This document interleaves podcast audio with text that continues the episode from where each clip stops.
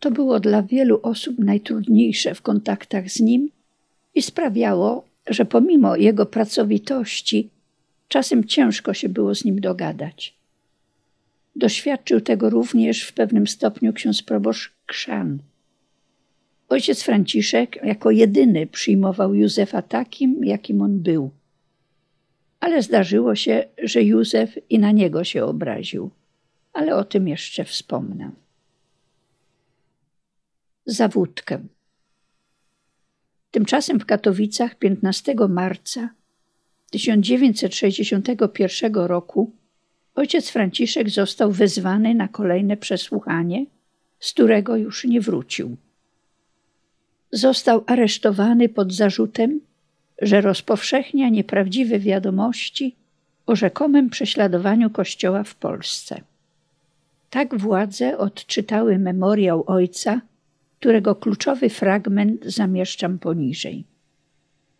Nie ulega wątpliwości, że akcja tak potrzebna społeczeństwu i tak pożyteczna jak akcja krucjaty wstrzemięźliwości nie napotkałaby na żadne trudności i cieszyłaby się poparciem władz, gdyby nie była prowadzona przez Kościół i gdyby na jej czele nie stali ludzie ubrani w sutanny. Nie ulega wątpliwości, że nie spotkałyby nas wszystkie powyżej przedstawione szykany, w istocie swej niezrozumiałe, wręcz absurdalne i oburzające, gdybyśmy nie byli katolikami działającymi z ramienia Kościoła i z pozycji wiary katolickiej. Sama działalność spotkałaby się z najwyższym uznaniem, przyniosłaby nam odznaczenia państwowe, gdybyśmy działali na przykład jako marksiści i członkowie partii. Żadna argumentacja propagandowa nie zdoła zmienić obiektywnej rzeczywistości, że likwidacja centrali krucjaty wstrzemięźliwości jest aktem prześladowania religijnego Kościoła katolickiego i jest jaskrawym przejawem dyskryminacji religijnej. Dyskryminacji posuniętej już tak daleko, że prześladuje się rzeczy same w sobie niewątpliwie dobre i w najwyższym stopniu pożyteczne dla społeczeństwa tylko dlatego, że są one przejawem działalności ludzi wierzących i Kościoła katolickiego. Mamy do czynienia niewątpliwie z przejawem nienawiści światopoglądowej, która doprowadziła do takiego zaślepienia, że nie liczy się ona już z obiektywnymi wymaganiami dobra społecznego, ale działa z wyraźną szkodą dla tego dobra. Tutaj może niektórzy będą protestowali, będą mówili: To nieprawda. W Polsce jest wolność sumienia i wyznania. Nikt nie przeszkadza Kościołowi czynić dobrze, byleby Kościół działał legalnie, zgodnie z przepisami prawa. Krucjata wstrzemięźliwości nie napotkałaby na żadne trudności, gdyby przestrzegała obowiązujących przepisów prawa, gdyby działała legalnie. W Polsce musi być praworządność i nikt nie może stawiać się ponad prawem.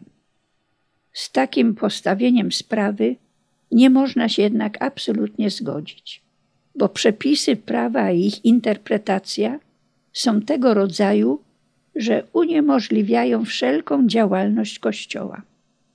Sytuacja jest taka, że najpierw wydaje się przepisy, które czynią życie niemożliwym, i które są niemożliwe do zachowania, aby potem móc zarzucić, że Kościół łamie przepisy i działa nielegalnie. Zakłamanie powiedzenia, że krucjata wstrzemięźliwości mogłaby działać, gdyby działała legalnie, tkwi w tym, że przepisy prawa i ich interpretacje szły właśnie w tym kierunku, aby uniemożliwić wszelką działalność krucjaty. Krucjata w oparciu o legalne przepisy w rzeczywistości nie miała prawie żadnych możliwości działania, a działać mogła intensywniej tylko o tyle, o ile działała na płaszczyźnie nieobjętej jeszcze krępującymi przepisami. Jako człowiek wierzący, jako kapłan wiem, jaką przybrać postawę wewnętrzną wobec prześladowania religijnego. Wiara uzdalnia każdego do przyjęcia aktów gwałtu i prześladowania z wewnętrznym spokojem, radością, a nawet wdzięcznością. Męczeństwo dla wierzącego nie jest porażką, ale największym zwycięstwem Boga i człowieka zarazem. Jest to paradoks, którego nie są w stanie rozumieć ludzie pozbawieni światła wiary. Taka postawa nadprzyrodzona nie wyklucza jednak prawa i obowiązku upominania się o swoje prawa w oparciu o prawo natury i sprawiedliwość. Dlatego w tym memoriale protestuję przeciw naruszeniu wolności religijnej i elementarnych praw człowieka i domagam się przywrócenia sprawiedliwości.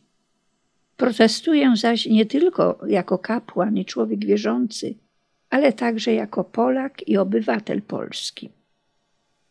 Jako obywatel polski upominam się o prawa Polaka w Polsce.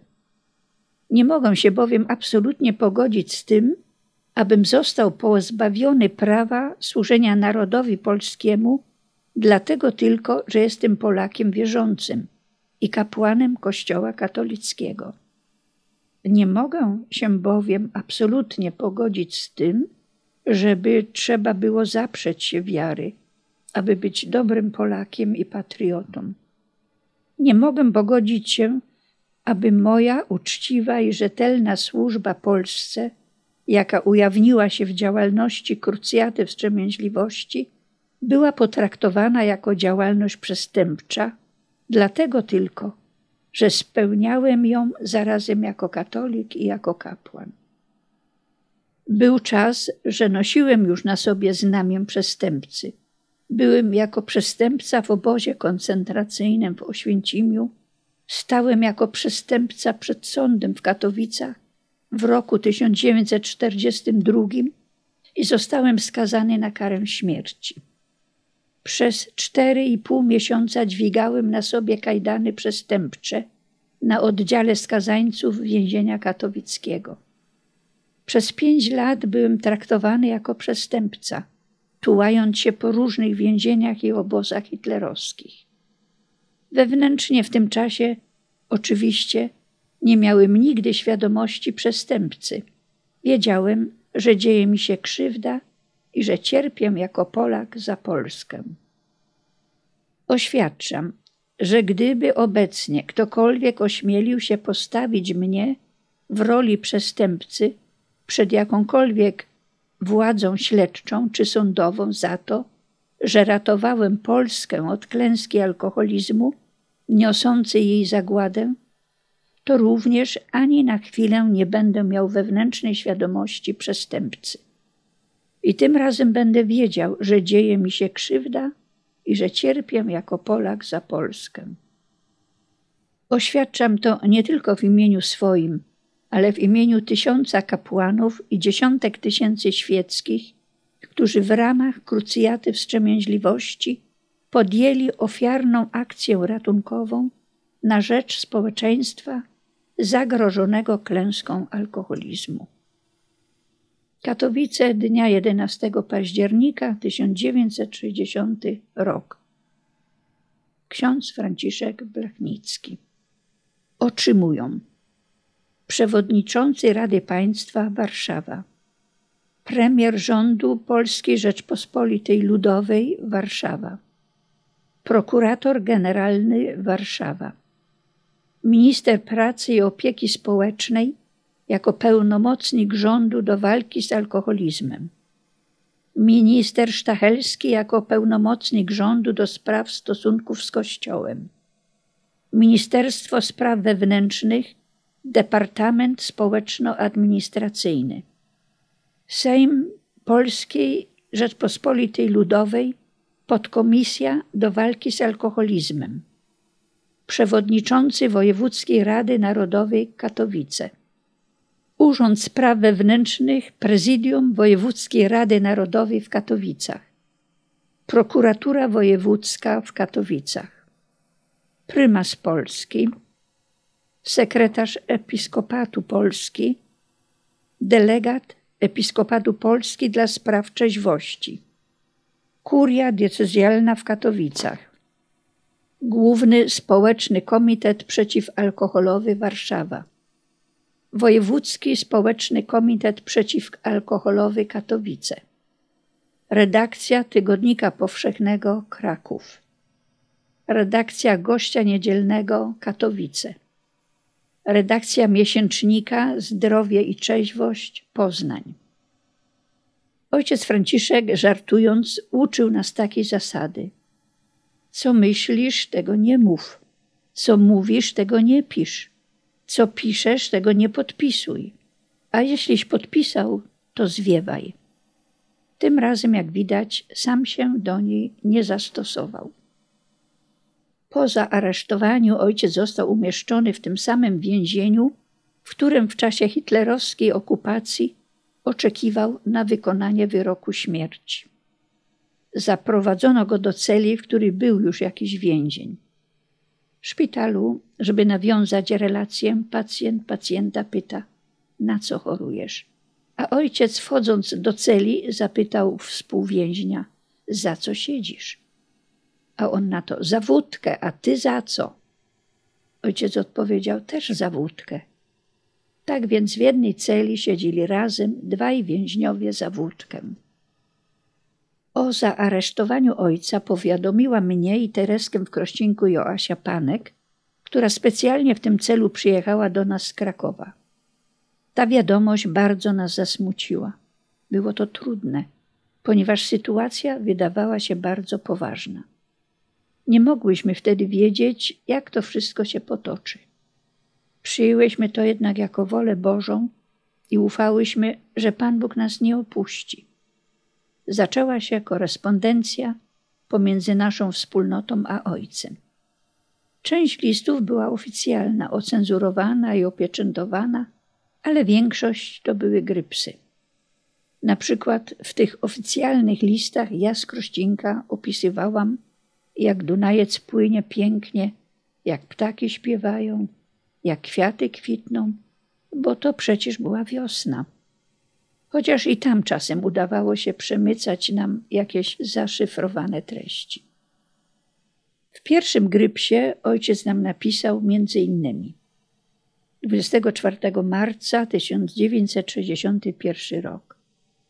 Maryja. Ufam, że niepokalana sprawiła to, iż przyjęłyście ze spokojem i poddaniem się jej woli to, co zaszło, i że nie zapomniałyście odmówić magnifikat. Nie wątpię, że wraz ze mną jesteście mocno przekonane o tym, iż to wszystko jest łaską niepokalanej, z której wyniknie wiele dobrego dla wszystkich i dla sprawy. Za to trzeba jej więc codziennie dziękować. Nie trzeba się jej też zanadto naprzykrzać prośbami o uwolnienie. Raczej jej to zostawić, a prosić o lepsze i ważniejsze rzeczy. Zapewniam, że czuję się bardzo dobrze na więziennych rekolekcjach. Już dawno nie miałem tyle czasu na modlitwę i rozmyślanie. Myśl przewodnią rekolekcji znalazłem zaraz następnego dnia po uwięzieniu w brewiarzu w psalmie 61 Indeo tentum quisce anima mea. Droga do Boga jest otwarta poprzez mury i kraty więzienne, a Bóg sam wystarczy. Sprawę moją prowadzi pan prokurator T, ale aresztował mnie pan R. Trochę byłem zaskoczony, bo jakoś nic na to przed tym nie wskazywało. Ale przyjąłem to bardzo spokojnie i zaraz powiedziałem – bardzo dziękuję Panu za to, że daje mi Pan okazję znosić prześladowanie dla wiary. Już dawno na to czekałem. Uzasadnienie postanowienia o tymczasowym aresztowaniu brzmi: FB jest podejrzany o przestępstwo z artykułu 23 paragrafu 1 Małego Kodeksu Karnego. W czasie od połowy października do końca listopada 1960 roku w Katowicach sporządził w celu rozpowszechniania, a następnie rozprowadził między różne osoby memoriał w sprawie likwidacji centrali krucjaty wstrzemięźliwości z dnia 11 października 60 roku, w treści swej zawierający fałszywe i tendencyjne wiadomości o rzekomym prześladowaniu Kościoła katolickiego w Polsce, co mogło wyrządzić istotną szkodę interesom państwa polskiego. Zarzut naprawdę bardzo zaszczytny. W więzieniu miałem już trzykrotne odwiedziny swoich opiekunów. Wszyscy są bardzo zatroskani o moje zdrowie i samopoczucie i bardzo się cieszą, gdy oświadczam, że czuję się wyśmienicie. Roboty ze mną nie mieli dużo, bo odmówiłem zeznań i nie musieli pisać protokołu. Wyraziłem gotowość zeznawania na temat treści memoriału, ale na ten temat nie mają ochoty rozmawiać. Poza tym obiecali, że postarają się prędko ukończyć śledztwo. Obie sprawy, kontrola prasy i memoriał, mają być połączone w jedną. Tyle wiadomości o mnie. A teraz parę uwag i wskazań dla Was. Najważniejsze jest to, aby niczego nie zmieniać bez potrzeby, aby praca wewnętrzna szła nadal swoim trybem. Regnum Christi per Immaculatam. Królestwo Chrystusa przez niepokalaną. Wasz w niepokalanej Ojciec. Potem otrzymywałyśmy jeszcze wiele wspaniałych grypsów od Ojca, takich pouczających i bardzo głębokich.